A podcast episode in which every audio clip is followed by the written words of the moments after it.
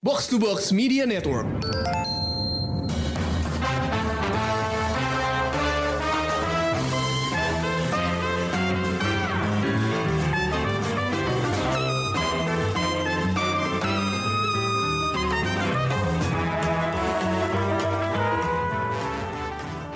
Halo pendengar Showbox, balik lagi sama gue Amy di Showbox Podcast dan gue di sini ditemenin sama temen lama gue yang sering nge-podcast bareng, tapi nggak tahu kan podcastnya di mana rahasia. Ini ada Rengga malam ini. Siapa sih Rengga? Ayo dong perkenalkan dirinya. Halo, halo. Perkenalkan apa nih? Pernah nama lo, nama lo. Oh, nama. Nama lengkap jangan dong, tergampang di googling. Oh, iya. Apa? eh, halo, gue Rengga. Gue dulu sering nge-podcast juga bareng Emi, tapi podcastnya lagi hiatus lama. Nggak tahu kapan mulai lagi ya. Nggak tahu kayaknya. Ya, ya, ya. Apalagi nih, udah itu aja. Jangan lo, Reng. Aduh, kerjaan apa ya? Eh, kebetulan saya sudah lagi bekerja di salah satu tech company di Jakarta. Cie, tech company. Tech company. ya, Sebagai- ya sebagai- gitu lah. Sebagai, Apa? sebagai apa bekerjanya? Sebagai apa ya? Kreatif sih. Kreatif. Ya, Oke. luas Pokoknya ya. asa- misalnya ada yang meragukan uh, credentialsnya Rengga, itu sebenarnya Rengga ini salah satu alumni majalah gue juga dulu gitu. Maksudnya dari kemarin gue sibuk memperkenalkan narsum-narsum sebagai alumni majalah kita dulu, Reng. Ada- Diboyong semua ke sini ya? Iya kan diboyong gue boyong semua ke sini soalnya eh, kita dulu kerjaannya kan nge-review film gitu ya. Jadi eh, kayaknya perlu dijelasin aja bahwa eh, ini tuh kita bener-bener serius nge-review film bukan abal-abal gitu loh.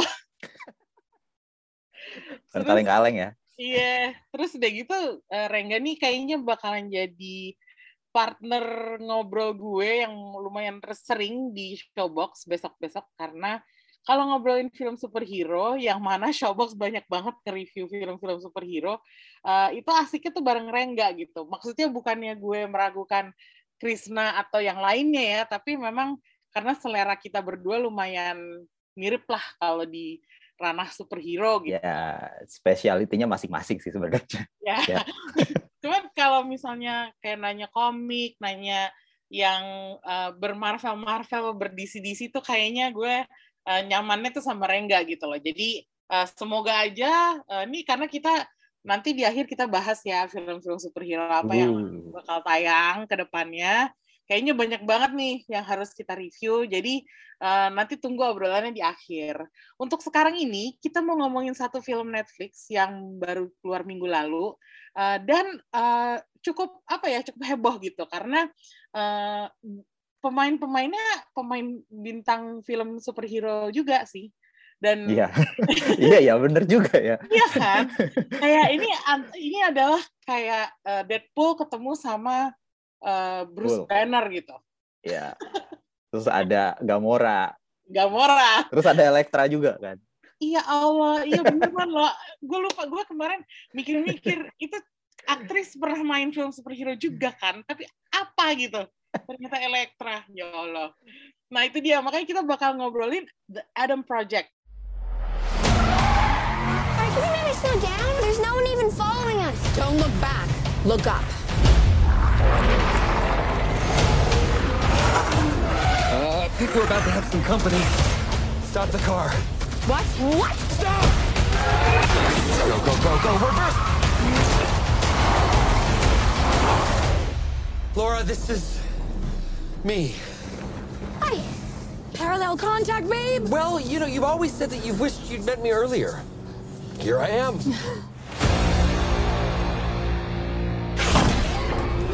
Do you remember this? I mean, if this is happening to me, it already happened to you, right? Unless it works more like a multiverse where each replicates an alternate A timeline. multiverse. My God, we watch too many movies. So, Bunny 50, is it really bad? It's not great. Find him. Get ready to run.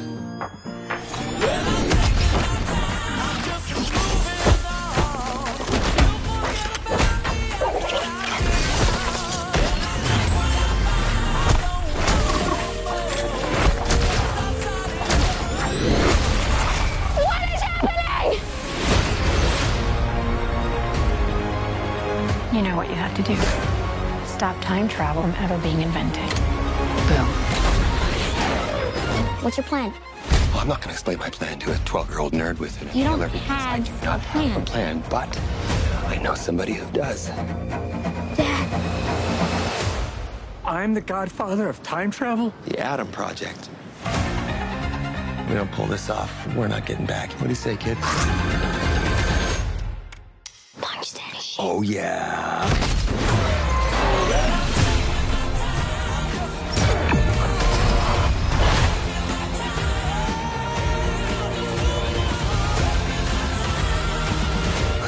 30 years trying to get away from the me that was you.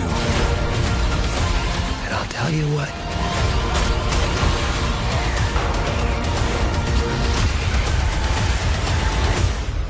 You were the best part all along. You get to be so smart. How'd you get to be so dumb? Nice try. Um, ini adalah proyek filmnya Ryan Reynolds, yang mana kita tahu Ryan Reynolds sudah mulai, dia tuh udah mulai kayak semacam apa ya? Gue melihat dia tuh sebagai kayak Robert Downey Jr.-nya Marvel, tapi untuk Fox gitu. Eh, enggak juga sih menurut gue.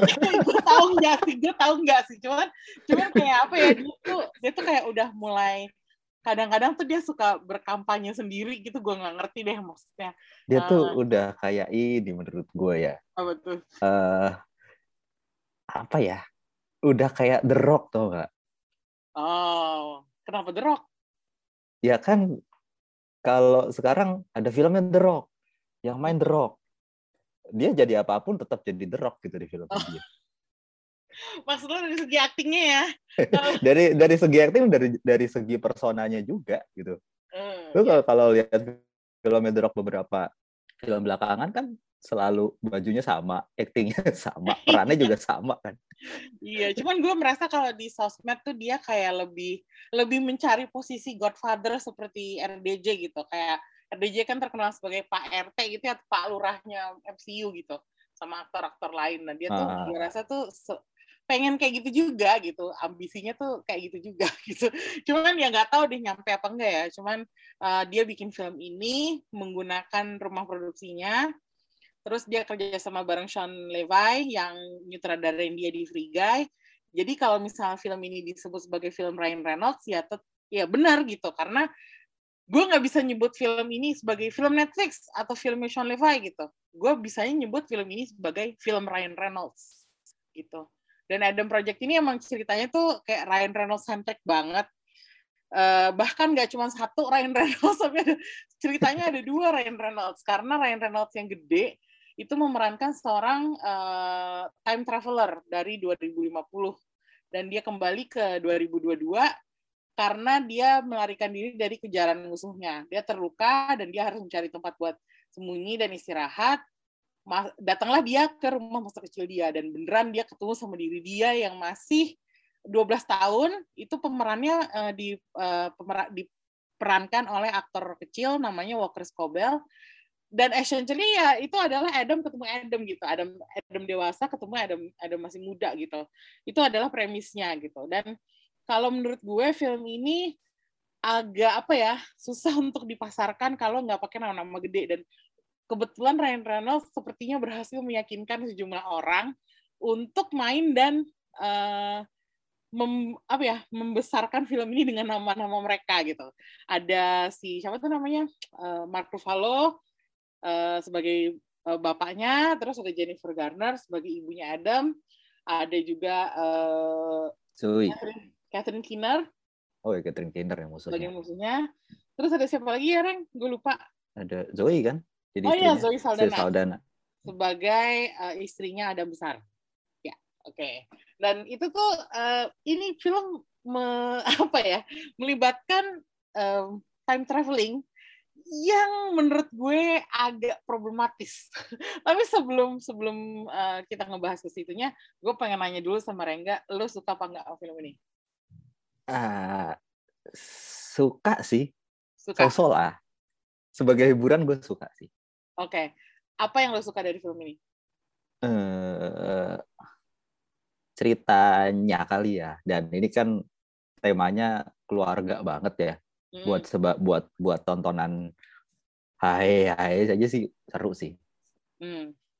buat gua. Nggak nggak perlu diseriusin lah, tapi kalau buat tontonan di saat senggang lumayan seru kok. Oke, Film jadi ini. menurut lu ceritanya nggak apa-apa, simple aja, cetek aja gitu, nggak usah yang apa Iya, ya. so, so- soalnya nggak nggak menitik beratkan ke situ sih menurut gua. Gua ngeliatnya kayak, aduh time travel nih pasti ceritanya convoluted banget nih ribet segala macam gitu. Tapi tiba-tiba cuma ah gitu doang gitu.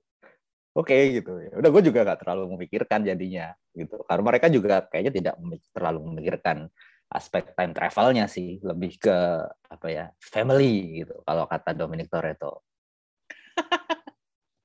bener bener bener bener. Kalau gue memang yang gue suka dari sini adalah cerita tentang hubungan orang tua dan anaknya ya antara apa namanya Jennifer Garner dan uh, Mark Ruffalo dengan Adam kecil maupun Adam dewasa gitu. Eh, gue cukup terkesan dengan adegan di mana dia ketemu ibunya sih. Adegan Adam ketemu sama Jennifer Garner, terus Yang di eh, pub ya. di pub, terus mereka ngobrol-ngobrol dan sepertinya ada kayak eh, apa ya, ada different kind of connection dari dia sama bapaknya gitu. Kayaknya kok dia baik banget ibunya tapi sama bapaknya tuh agak-agak agak-agak jahat gitu, agak-agak nyolot gitu. Gue merasa kayak dia tuh memendam apa ya, so- so- eh, memendam eh, kayak benci atau resentment terhadap eh, karakternya si Mark Ruffalo tapi sama ibunya kok dia lembut banget gitu.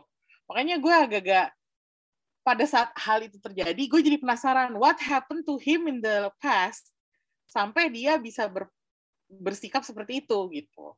Makanya Sebenarnya itu kan eh, udah udah udah dijelasin kan sebenarnya. ya udah, tapi kan nggak ditunjukin. Itu yang eh, yang gue apa ya, yang menurut gue bisa ada apanya ya, bisa lebih lebih lagi digali gitu. Karena Hmm, hmm. karena dia cuma cerita kan intinya dia cuma cerita uh, bahwa ini yang terjadi sama gue dan orang tua gue gitu tapi nggak ditunjukin dalam adegan makanya itu uh, sebenarnya uh, gue nggak minta filmnya dipanjang-panjangin ya cuman gue berharap ada lebih banyak adegan keluarganya aja sih karena buat gue faktor keluarganya itu aspek dari film yang bekerja buat gue gitu Hmm, hmm. I see, I see. Tapi emang eh, adegan di pub itu gue juga ini sih tersentuh sih. Hmm. Apalagi Ryan Reynolds tuh paling paling paling bisa adegan nangis menurut gue ya. Dia puppy eyes gitu kan. iya Kalau udah berkaca-kaca tuh kayak udah nangis gitu kan. dan nggak tahu kenapa di situ Jennifer Garner tuh kayak eh, sosok keibuannya tuh keluar banget kayak dia, Iya. dia tuh kan heeh. lagi kayak apa sih menyesali kenapa eh, anaknya harus eh, kayak gini gitu terus kayak apa bahwa dia tuh sebenarnya sayang banget sama anaknya gitu cuman dia nggak merasa anaknya tuh pengen eh, tahu dia gitu makanya gue agak-agak ag- ya tersentuh lah ya karena Iya, gue iya, iya. ya gue inget nyokap gue juga kali ya jadi jadi mengingat nyokap sendiri tuh jadi kayaknya uh, gitu Kayak, kayak, kayak kayaknya film ini tuh emang emang pasarnya ke situ ya. ya sih. kayak kalau menurut gue ini film filmnya ini se- sebagai film keluarga maksud film keluarga tanda kutip ini bukan hanya untuk anak-anaknya aja tapi Mm-mm, untuk mm-mm. Orang tuanya juga gitu Iya. kadang-kadang kalau misalnya kita ngomong family movie kan ya ya film bocah gitu kan ah, semua umur. Ya, semua umur. Makanya kalau ini tuh menurut gue beneran semua umur dalam arti orang dewasa juga bisa relate gitu. Karena aktor-aktor dewasanya yang dipilih juga keren-keren. Gitu. Iya betul. Apalagi kan ya sebenarnya itu sih balik lagi ke family. Apalagi eh, temanya kan bapak anak lebih ke bapak anak kan. Terus pas adegan-adegan terakhirnya yang yang si Adam gede ketemu bapaknya terus akhirnya pada pelukan bertiga itu kan kayak tearjerker banget kan tuh ceritanya kan. Gue sebenarnya kayak oh oke gitu ketemu terus kayak oh pelukan bertiga itu kayak aduh kok gue terharu ya. Padahal gue baru tahu- baru punya anak kan, baru punya bocil gitu kan kayak. Iya, gue dikasih tahu sama sama seseorang bahwa lo nangis Gak nangis itu. sih gue, gue kayak berkaca-kaca aja sih. Wow. Tapi kan lo udah punya anak nih, Reng. Jadi beneran kena kan kalau sebagai orang tua gitu. Kena, kena, kena. Itu kena banget buat gue. Apalagi yang kayak ya seperti gue bilang tadi kan Reynolds tuh kalau udah puppy eyes tuh kan menurut gue kayak udah udah sosoknya yang udah mau nangis gitu kan berat actingnya jago lah menurut gue kalau kayak gitu. Hmm. Terus apalagi ada Mark Ruffalo gitu kan, yang personally itu salah satu aktor favorit gue gitu. Hmm. Actingnya di situ juga oke walaupun sekenanya kadang ya. Tapi ya itulah chemistry-nya lumayan sih yang eh yang adegan itu. Nggak kalah sama sama Jennifer Garner yang di Iya, itu. iya. Ini yang bikin gue kaget ya bahwa Mark Ruffalo tuh aktor yang lu mau taruh dia di setting mana aja penampilannya tetap tetap keren gitu. Gue agak bingung sih sama aktor ini satu kayak dibilang cakep-cakep banget yang enggak Enggak loh, enggak ganteng gitu. Tapi Hmm. ya keren aja gitu. Iya, tapi kalau ditaruh di film mana pun pasti pasti gue suka sama dia.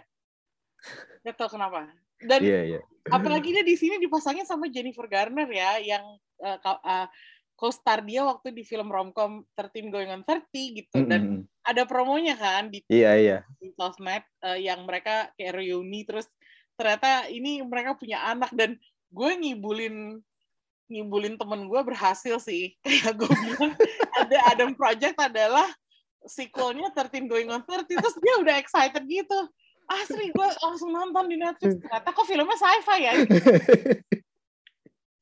Bahkan di film itu mereka nggak ketemu loh.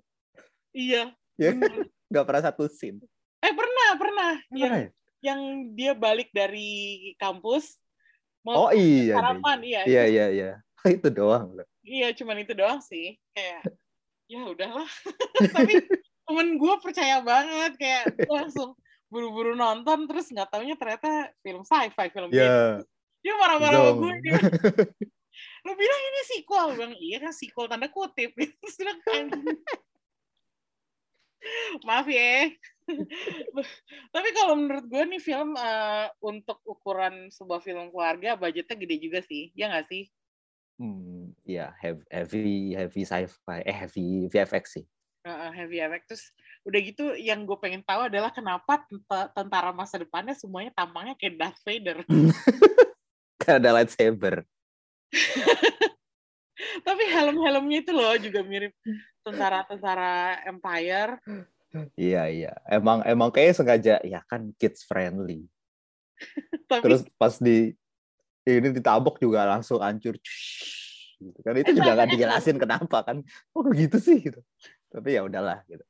tapi efek menghilangnya lumayan sih kayak entah kenapa film ini tuh mengingatkan gue sama film sebuah film Disney gitu loh kayak matinya mereka tuh juga kayak ala-ala Nah, iya. hilangnya endgame gitu kan Heeh. Ini tuh kayak kayak mencoba mengambil apa ya spiritnya film-film Disney yang dulu gitu loh menurut gue ya. hmm. Itu kayak lihat premisnya yang si bocah ketemu eh si bocah si Adam gedenya ini ketemu Adam yang kecil gitu. Gue langsung inget filmnya Bruce Willis yang The Kid tuh? Oh iya bener oh Yang iya ketemu ah, versi dia kecil yang bocah cabi itu. Hmm, iya iya. Iya, iya. gue langsung inget kayak gitu. Itu itu Disney bukan ya? Betul dia lupa. Iya, kayak kayak mau dibikin filmnya. spirit Disney yang zaman dulu gitu kan. Menurut gue sih kayak gitu. Yang Hmm. film-film tahun 2000-an gitu kan banyak film Disney yang kayak gini-gini kan. Hmm. Tapi ya, Ya, dengan mungkin- dengan foul mouthed-nya Ryan Reynolds sih. Tuh Derek, ini kita harus ngobrol nih sekarang. Tadi lo bilang Ryan Reynolds aktingnya tetap Ryan Reynolds kan di film-film dia eh, sekarang-sekarang ini gitu. Eh, kalau gue ngobrol sama eh, beberapa orang gitu ya, pendapatnya tuh kayak 180 gitu loh. Jadi ada yang suka banget, ada yang sebel banget gitu. Ada yang merasa dia tuh lucu, ada yang merasa dia tuh nyebelin gitu. Menurut lo kenapa dia kayak gitu ya? Reynolds itu udah udah kayak apa ya? Hmm, mendapat dari dulu sebenarnya menurut gue dia udah punya karakter sendiri nih. Hmm. Eh, tapi orang-orang belum belum belum apa ya belum nyadar nih karakternya dia kayak gimana. Hmm. Akhirnya orang nyadar ketika dia jadi Deadpool. Eh, Ketika dia udah jadi Deadpool, boom. Akhirnya kayak ada persona Deadpool itu Ryan Reynolds. Padahal eh Ryan Reynolds, eh kayak sorry salah. Ryan Reynolds itu jadi Deadpool, Deadpool itu yang jadi kayak masuk ke Ryan Reynolds. Padahal dari dulu Ryan Reynolds ya kayak gitu, tapi orang belum nyadar aja. Ketika dia udah jadi Deadpool, barulah orang pada pada nyadar gitu menurut gue oh Reynolds tuh aslinya kayak gini akhirnya dia jadi typecast menurut gue Hmm. sama kayak si siapa namanya gue lupa Jack Sparrow Johnny Depp. Johnny Iya. Depp Johnny Depp dapat Jack Sparrow udah itu klop banget akhirnya sekarang Johnny Depp tiap kali ke mana pun aktingnya kayak Jack Sparrow Hmm. karena itu aslinya dia aktingnya kayak gitu kan Iya, iya, iya. ya kan makanya gue bilang tadi sama kayak The Rock Hmm. The Rock udah dapat udah dapat eh, gaya aktingnya kayak gitu ke mana pun dia pergi dia bakal tetap jadi jadi The Rock sama kayak satu lagi eh, Tom Cruise Oh, itu sih. Ya, bener sih. ke mana pun dia pergi dia Tom Cruise. Ke mana pun dia pergi dia Ethan Hunt gitu. Heeh. lu mau jadi apa pun udah jadi Ethan Hunt. Eh, kayak kayak apa ya? Eksplorasi eksplorasi aktingnya itu udah berhenti di situ menurut gua.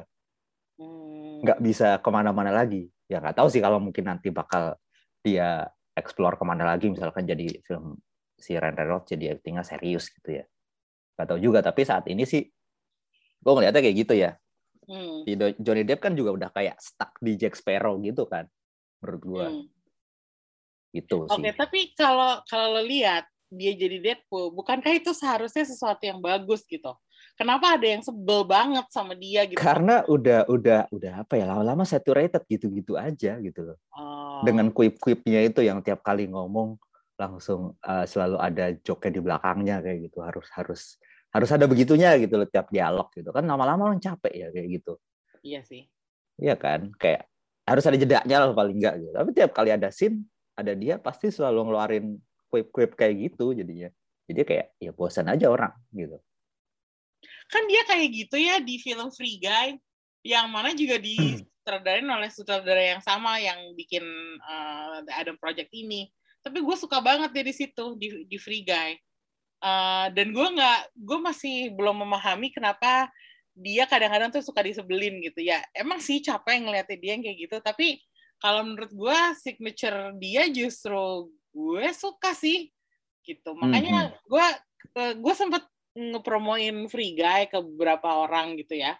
Dan ada satu yang menolak banget nonton film itu sampai gue gue bilang kayak you're missing out on this one gitu. Ini eh, ini tuh bener-bener film yang apa ya yang eh, kalau gamer dan lo suka main video game meskipun hanya sekadar kayak main seminggu sekali lah nggak yang tiap hari lo jabanin gitu lo pasti bakal uh, kena banget sama film ini lo bisa relate banget. Dan dia tetap nggak mau karena yang main adalah Ryan Reynolds. Kalau menurut gue itu apa ya kurang adil aja. Iya gue tahu selera orang masing-masing ya itu adalah uh, to each their own gitu personal.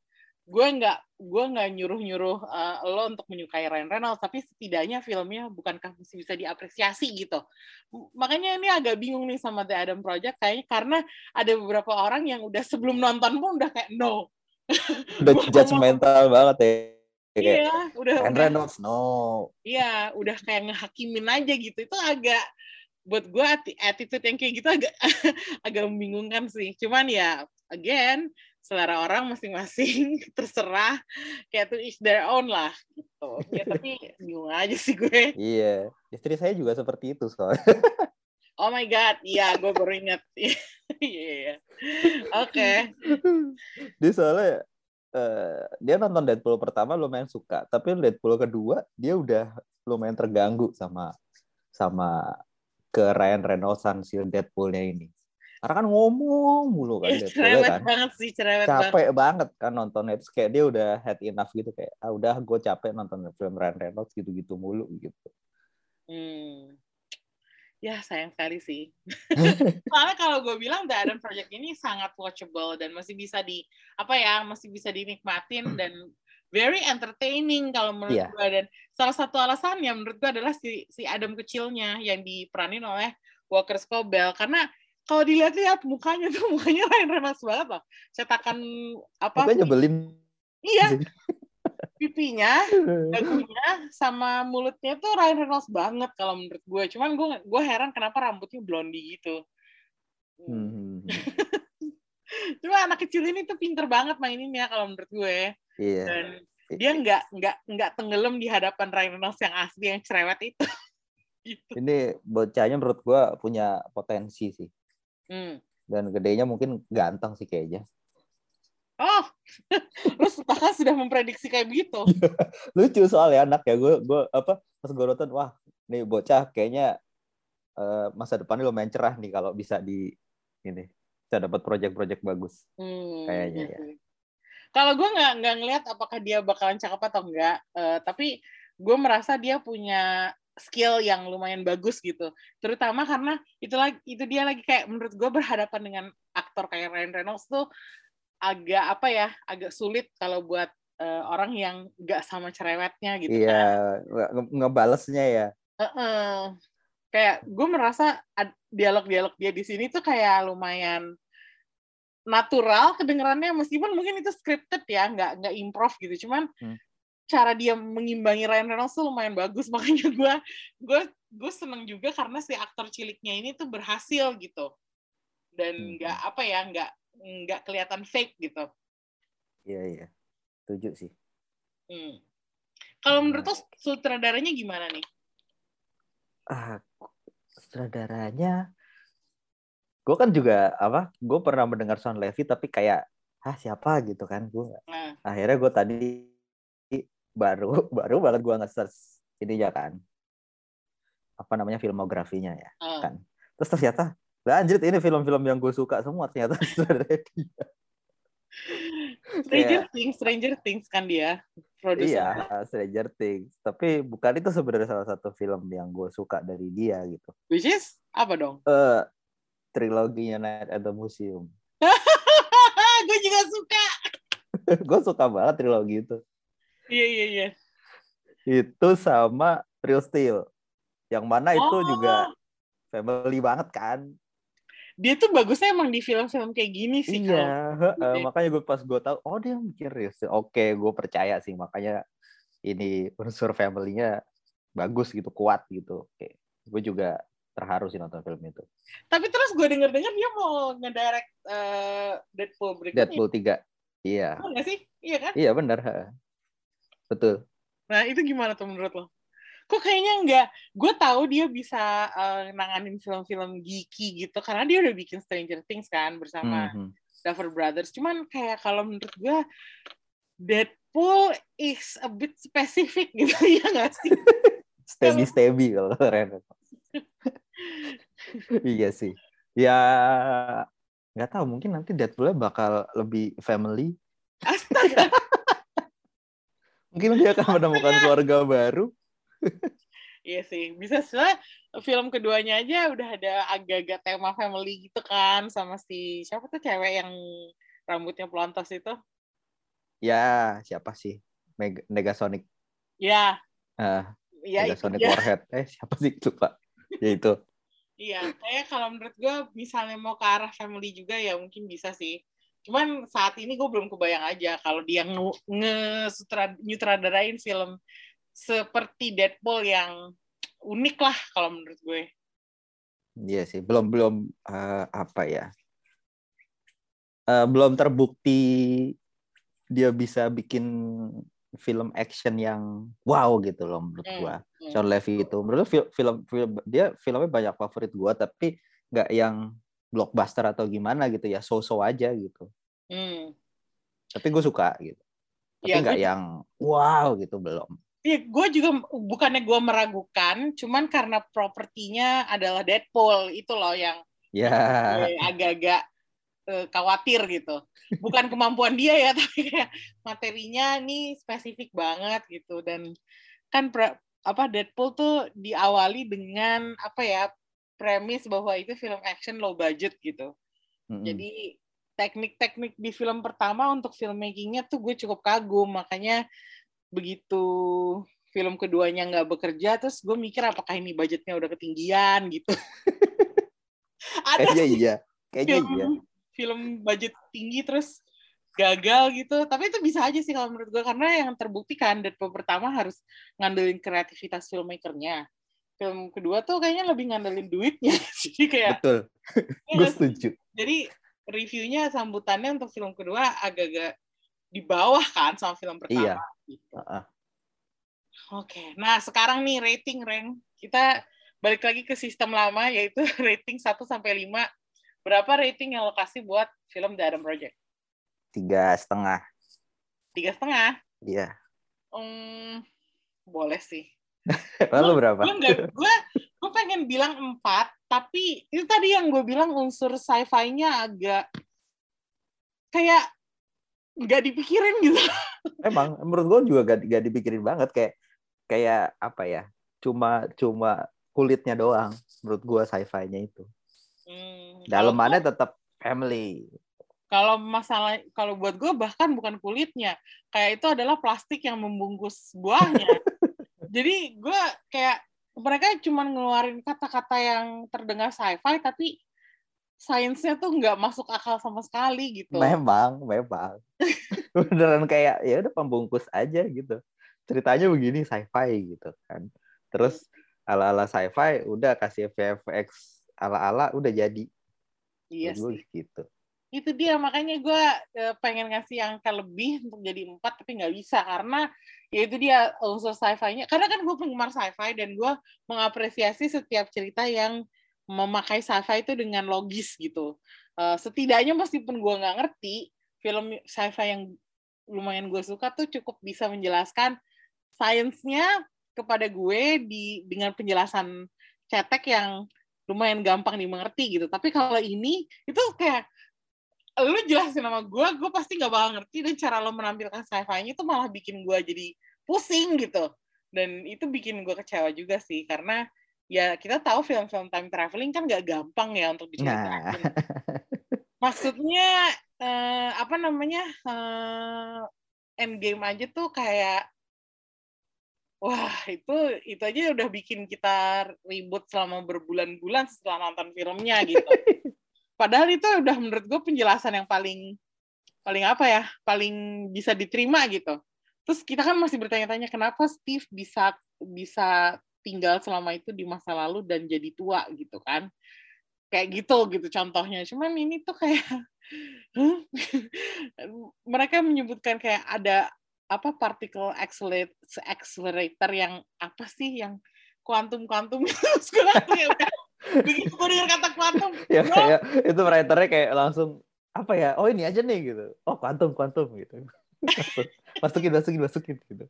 Lagi lagi lagi particle accelerator oke kita masukin kita masukin. Udah main asal comot aja. ya ampun deh gue kasihan juga sih sama eh, apa namanya Mark Ruffalo-nya harus menghafalkan kata-kata kata-kata yang rumit gitu cuman buat tapi nggak nggak ada nggak ada fungsinya gitu loh. Kasihan juga sih orang itu tapi ya itu sih. Makanya kenapa menurut gue tiga tiga setengah bintang lah worth buat film ini. Iya. Kalau buat gue sih sebenarnya aspek aspek apa namanya sci-fi-nya begitu-begitu ya sih eh, nggak terlalu mengganggu buat gue ya. Karena gue tahu poin-poin film ini tuh bukan di situ. Jadi kayak Hmm. gue begitu kayak nanti kok begini sih? Tapi kayak ah ya udahlah gitu. Langsung gue kesampingkan karena gue tahu bukan ini inti Intinya. filmnya Nah, kan. Jadi kayak gue langsung oke gitu. Sebenarnya yang bikin buat gue tidak memberikan 4 bintang atau apa tuh ini tipikal film Netflix banget menurut gue ya. Oh. Kayak eh apa ya kadang beberapa scene tuh saya secluded banget gitu loh kayak kayak banyak film ini tuh scene cuma di rumahnya si Adam doang kan oh iya betul Iya, film Netflix kan kalau gue perhatiin ya, kebanyakan tuh kayak gitu, kayak banyak banget cuma mainnya di satu scene doang gitu, terus kayak orangnya tuh dikit banget gitu. hmm. Kelihat nggak kelihatan banyak orang gitu. Gue nggak tahu ini masalah logistik karena COVID juga atau emang gayanya Netflix kayak gini ya. Tapi kalau gue perhatiin kayak gitu. Terus gaya berantemnya juga repetitif menurut gue.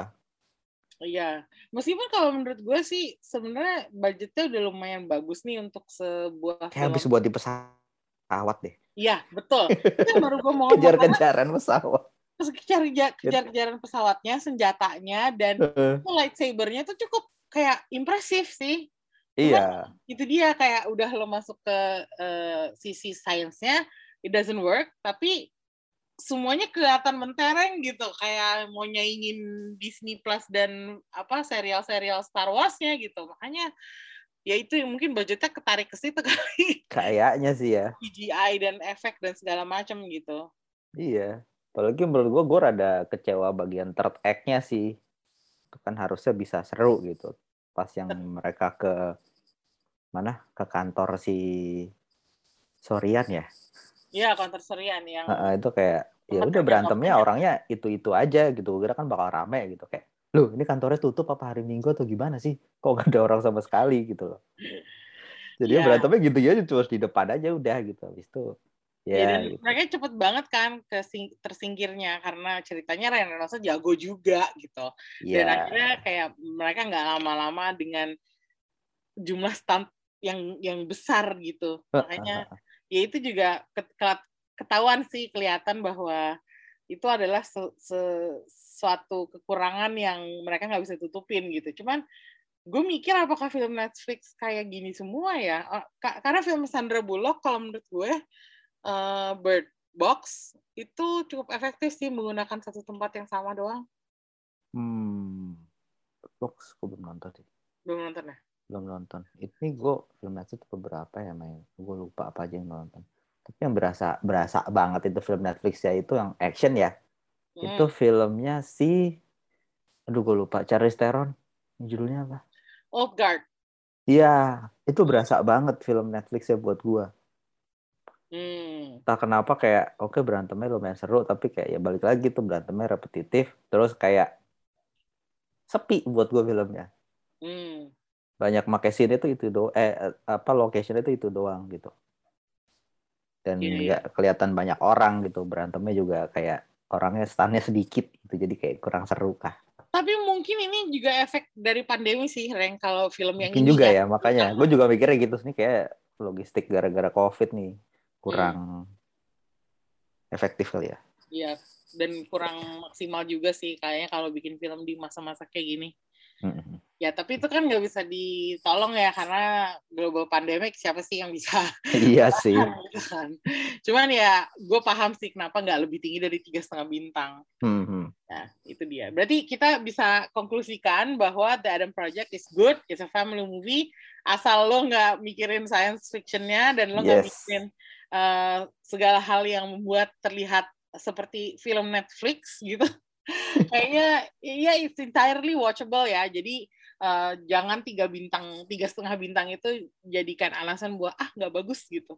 Justru bagus. Justru bagus. Iya, Justru bagus karena masih bisa tiga setengah bintang untuk se- untuk ukuran film sci-fi gitu. Jadi go watch it on Netflix, it's playing now dan kayaknya nggak bakal hilang dari Netflix karena ini film original Netflix gitu. Jadi yang yang suka Free Guy eh, pasti harus nonton The Adam Project. Kalau belum nonton Free Guy, setelah nonton Adam Project, nontonlah Free Guy di Disney Plus. Wah, gue cross cross gini nih. Oke, kita tutup bahasan tentang The Adam Project, tapi sekarang gue mau ngobrolin soal film-film superhero yang tadi udah sempat kita sentuh nih sebelumnya. Eh, ini nih, gue ngitung nih ada empat properti Marvel yang bakalan segera tayang di OTT dan bioskop berikutnya. Ada Moon Knight, ada Morbius, ada Multiverse of Madness, dan Miss Marvel yang trailernya baru keluar semalam. Gimana, Reng? Mana yang paling lo tunggu? Itu kurang satu. Nah, apa tuh? Spider-Man Across the Spider-Verse. Oh, itu apa keluar summer ini? Eh, enggak, Ding. Enggak kan? Enggak ya? Enggak summer ini enggak kan? Bukan summer ini ya? Oh, lo bilang summer ya? Oh, salah. Dalam beberapa bulan ke depan ini. Udah berapa bulan? Gila loh kalau... Salah berarti saya. Maaf. Gue shock. shock banget nih gue. Iya kita tahu itu film yang paling ditunggu-tunggu sih. Cuman dari empat judul yang gue sebutin tadi, mana yang paling lo nantikan gitu? Eh, tadi apa aja gue lupa. Moon Knight, Morbius, Multiverse of Madness, sama Miss Marvel. Oh. Hmm, pertama gue bakal gue nungguin banget sih Moon Knight. Hmm. karena itu ya, salah satu karakter Marvel favorit gua sih beberapa tahun belakangan. gue masih ingat lo nyuruh gue baca komiknya Moon Knight gue nggak bisa lebih dari berapa ini ya berapa apa edisi ya karena terlalu violent gila, sih- gila sih violentnya Seru loh, seru banget Moon Knight tuh. kenapa seru coba deh Apa? jelasin Ya, kenapa seru? Eh, kalau di Marvel tuh dia masuknya apa ya? Eh, apa? Mistik ya, eh, bukan mistik. Ah, udah. Anyway, serunya tuh ya karena karakternya nggak bisa ditebak aja. Si si siapa nama karakter gue malu Pak Mark Spector ini kan kayak dia punya beberapa kepribadian kan dalam dirinya dia kan. Oh jadi dia tuh emang split personality gitu. Iya, heeh. Bukan dia dirasukin. dia dirasukin, tapi dia juga punya split personality. Ada tiga tiga orang kalau nggak salah deh. Ini gue lupa namanya siapa. Oh, Tapi yang dominan itu si Mark, si Mark Spector ini. Oh oke. Jadi dia kan ceritanya kan eh, pembunuh bayaran ya. Mm-mm. Terus ke Mesir, Mm. nyasar di Mesir, eh, ke- masuk ke kuil, ketemu dewa, Khonsu, dirasukin lah, jadilah Moon Knight. Tuh. Hmm. Tapi dia sendiri juga masih di, di jadi di dalam dirinya itu sekarang jadi ada empat. Oh, sama Tapi si dewa kalau- itu ya. Iya sama si dewa itu si konsunya ini. Konsunya sendiri ini bisa ada consciousness ada ada ininya sendiri kan di dalam dirinya dia. Jadi kadang kadang konsunya bisa keluar menguasai dirinya dia juga gitu. Oh. Jadi aneh lah ceritanya. iya Macam-macam gitu. Artnya juga kalau di komiknya juga kan tergantung artisnya dan writernya ya. Artinya juga kadang menggambarkannya itu ajaib banget gitu. Iya sih itu kesan yang gue dapat karena agak absurd gitu gambarnya kalau menurut gue. Tapi eh, apa namanya eh, sebagai karakter, apakah dia sebenarnya anti hero? eh bisa dibilang anti hero sih. Soalnya dia kan tidak tidak punya rasa keadilan, justice kayak Captain America gitu kan nggak ada sebenarnya kan. Hmm. Cuma karena dia sebenarnya ini kan banyak komiknya itu dia lebih banyak bergulat sama dirinya sendiri. Hmm. Itu sebenarnya Iya. sangat menarik gitu. Terus kan gue awalnya tertarik sama Moon Knight tuh katanya kan kayak oh ini nih eh, lawannya Batman ala Marvel gitu. Eh gue penasaran kan kayak Hmm. ah masa sih pas gue baca apaan ini mah gak bukan bukan gak ada bukan apa bukan bukan tandingannya Batman beda banget sama Batman gitu kan cuma karena sama-sama dia berjubah terus kayak dia pakai semuanya putih kan kayak Ah. makanya di di di versus versusin aja sama orang-orang gitu kan Ya. menurut gue lawannya Batman di Marvel mah Daredevil gitu gue bukan Hmm. dia gitu loh Iya. ini justru mulai itu lebih kompleks daripada Batman sering gitu soalnya lebih lebih psychological juga banyak banyak apa ya banyak komiknya itu yang yang justru dia eh, ceritanya itu di dalam pikirannya dia sendiri Oh, oke. bukan bukan dia lawan penjahat gitu gitu tuh kayaknya terlalu banyak justru Hmm. kalau yang gue baca sih dan itu justru menurut gue yang paling seru gitu karena jadinya mistis gitu lah Hmm. Ya, oke. Kalau kalau Miss Marvel tanggapan lo gimana setelah keluar trailernya semalam? Lo Gue nonton semalam nggak nonton biasa aja biasa aja ya? iya gue nggak tertarik Oh, lo nggak tertarik sama sekali? tertarik ya biasa Kalau gue aja. sih lumayan tertarik soalnya ada imagery orang sholat. Mana Iya, kayaknya iya. keluarnya pas habis lebaran banget gitu. oh oh iya ya Ya, ya enggak sih, enggak, enggak deketan banget. Beda ada kayak, ya sebulan lah ya. Cuman kok gue jadi inget, wah bentar lagi bulan puasa, terus bakal disajikan eh, ini, apa namanya, eh, Miss Marvel yang notabene kan adalah superhero cewek dan muslim gitu. Itu kan yang Hmm. menjadi, apa ya, eh, her thing gitu, bahwa dia Iya, adalah iya. remaja cewek muslim gitu kan yang kalau apa namanya orang-orang tuh kayaknya sangat meng, mengelulukan karena akhirnya ada representasi muslim di perkomikan gitu. Kalau Hmm. menurut gue sih trailernya cukup slick ya. Kalau gue yang penasaran dari Miss Marvel adalah em, gimana mereka akan menghandle isu yang rada sensitif ini gitu. Bukan Hmm, hmm. soal action-actionnya atau Hmm. is she a real superhero atau enggak. Karena kan di trailernya kan seakan-akan dia belum menjadi a real superhero kan. It's just iya head gitu kayak hanya di bayangan dia sendiri cuman gue pengen tahu gimana caranya mereka menghandle isu sensitif ini dan apakah ini jadinya cuman sekedar kayak apa sih eh, mengisi checklist gitu minoritas ini kan udah ada Black Panther. Nah, iya, iya. Oh, iya kan? Kayak itu Ah. tuh cukup bikin gue concern. Jadi kalau menurut gue ini harus benar-benar diperhatikan apakah is it a real is it a real work gitu kayak karya yang yang sinematis yang seharusnya menjadi sebuah uh, hiburan sinema atau hanya ngisi checklist aja itu sih gue takutnya. Hmm, hmm. karena udah backfire kan sama agak-agak ya agak-agak misfire lah kemarin sama sama Captain Marvel gitu. Gue Hmm, jadinya hmm, agak-agak takut gitu. Iya, cuman iya. yang gue penasaran kalau Multiverse of Madness semua orang nungguin lah ya.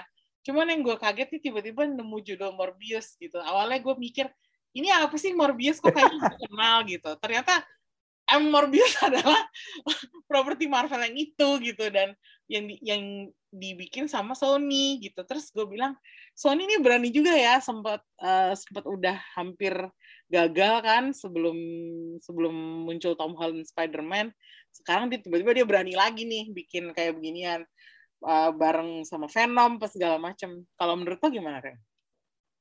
Menurut gua Sony lagi scrapping Spider-Man aja sih. Hmm. Ya, Jadi kan ya. masalah masalah kontrak kan ini sebenarnya kan. Hmm, ya. Iya, makanya mereka berusaha mencari nih Spider-Man apa lagi yang bisa digarap ya. Akhirnya Morbius gitu kan. Kemarin apa sih Venom? Hmm. Oke lah gitu, lumayan sukses. Terus dapat Morbius, terus terus ada lagi isunya si Craven kan nanti. Hmm. Nah, ya menurut gua ini masalah kontrak aja sih mereka berusaha biar sebisa mungkin Spider-Man gak balik lagi ke Marvel gitu. Kalau nggak salah dulu sempet beredar kan terus ada kontraknya kan. Mereka harus buat film dalam jangka waktu berapa gitu. Ya, kalau Kalau nggak bisa Spider-Man-nya balik ke Marvel kan. Hmm. Nah, makanya mereka lagi scrapping the barrel aja kayaknya. Tapi kan yang film Spider-Man 3 terakhir kan sudah menjadi co-production. Maksud gue kenapa mereka harus musingin bahwa properti itu bakal balik juga gitu. eh bukannya udah habis ya kontraknya ya? Cuma tiga Oh, film doang habis ya? Kayaknya iya deh. Oh. Makanya kemarin yang terakhir yang digadang-gadang Spider-Man yang endingnya, ini spoiler ya. Udah lama juga yang dia pakai suit baru, itu kan ceritanya kayak dia balik ke alamnya si Sony. Oh, maksudnya itu toh. Mm-mm, kayaknya ya. Jadi nggak nggak join sama Marvel lagi kan. Hmm. Iya sih, ini ini semua agak membingungkan mungkin dari yang tadi kita ngomongin Adam Project, film keluarga yang hangat gitu, terus tiba-tiba masuk ke ranah superhero. Cuman ini semua ada kaitannya, itu ya itu adalah karena aktor-aktornya di Adam Project itu adalah aktor-aktor Marvel semua gitu. Dan gue kayak harus mengapa ya, em, mengingatkan bahwa kenapa wajah-wajah itu familiar adalah karena mereka semua udah main film Marvel. Dan eh, kalau nggak salah si Deadpool juga udah balik ke ke Marvel kan? Iya, ha. Nah itu Ya, kan dia. udah Fox sudah dibeli. Nah itu dia makanya jadi sekarang semuanya udah balik lagi ke Marvel. Jadi ini masa depan dunia bagaimana? Kayaknya sih kalau ngomongin ini nggak bakal ada habisnya. Jadi gue harus stop di sini. Cuman eh, kayaknya kalau ke depannya nih kita bentar lagi bakal ngebahas Moon Knight karena udah mau tayang. Cuman gue harap eh, pendengar Showbox bisa mengambil sedikit background eh, kenapa eh, selingan ini tuh lumayan penting gitu. Eh, karena semuanya is all connected in a way. Jadi ya eh, kita tunggu aja gimana ke depannya apakah Sony masih berhasil mempertahankan eh, properti mereka properti Marvel yang ada di mereka dan apakah si Ryan Reynolds akan bikin MCU jadi either bangkit atau jatuh dengan keseretan dia gitu kalau menurut gue. Oke em, ada pesan-pesan terakhir yang Eh, apa ya? Oh, lo ketinggalan satu film tadi sebenarnya. apa tuh? Apa lagi Thor Love and Thunder. oh iya benar. Benar benar. itu sih gue lumayan menantikan sih tapi kayaknya kita bahas lain kali aja sih Reng. Soalnya eh, ntar pendengarnya bingung nih ngomongin ada project. Ngomongin ngidul mana-mana.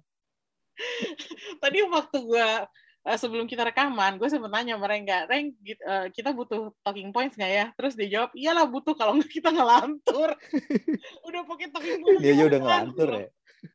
gila inilah mengapa gue seneng rekaman sama Rengga buat podcast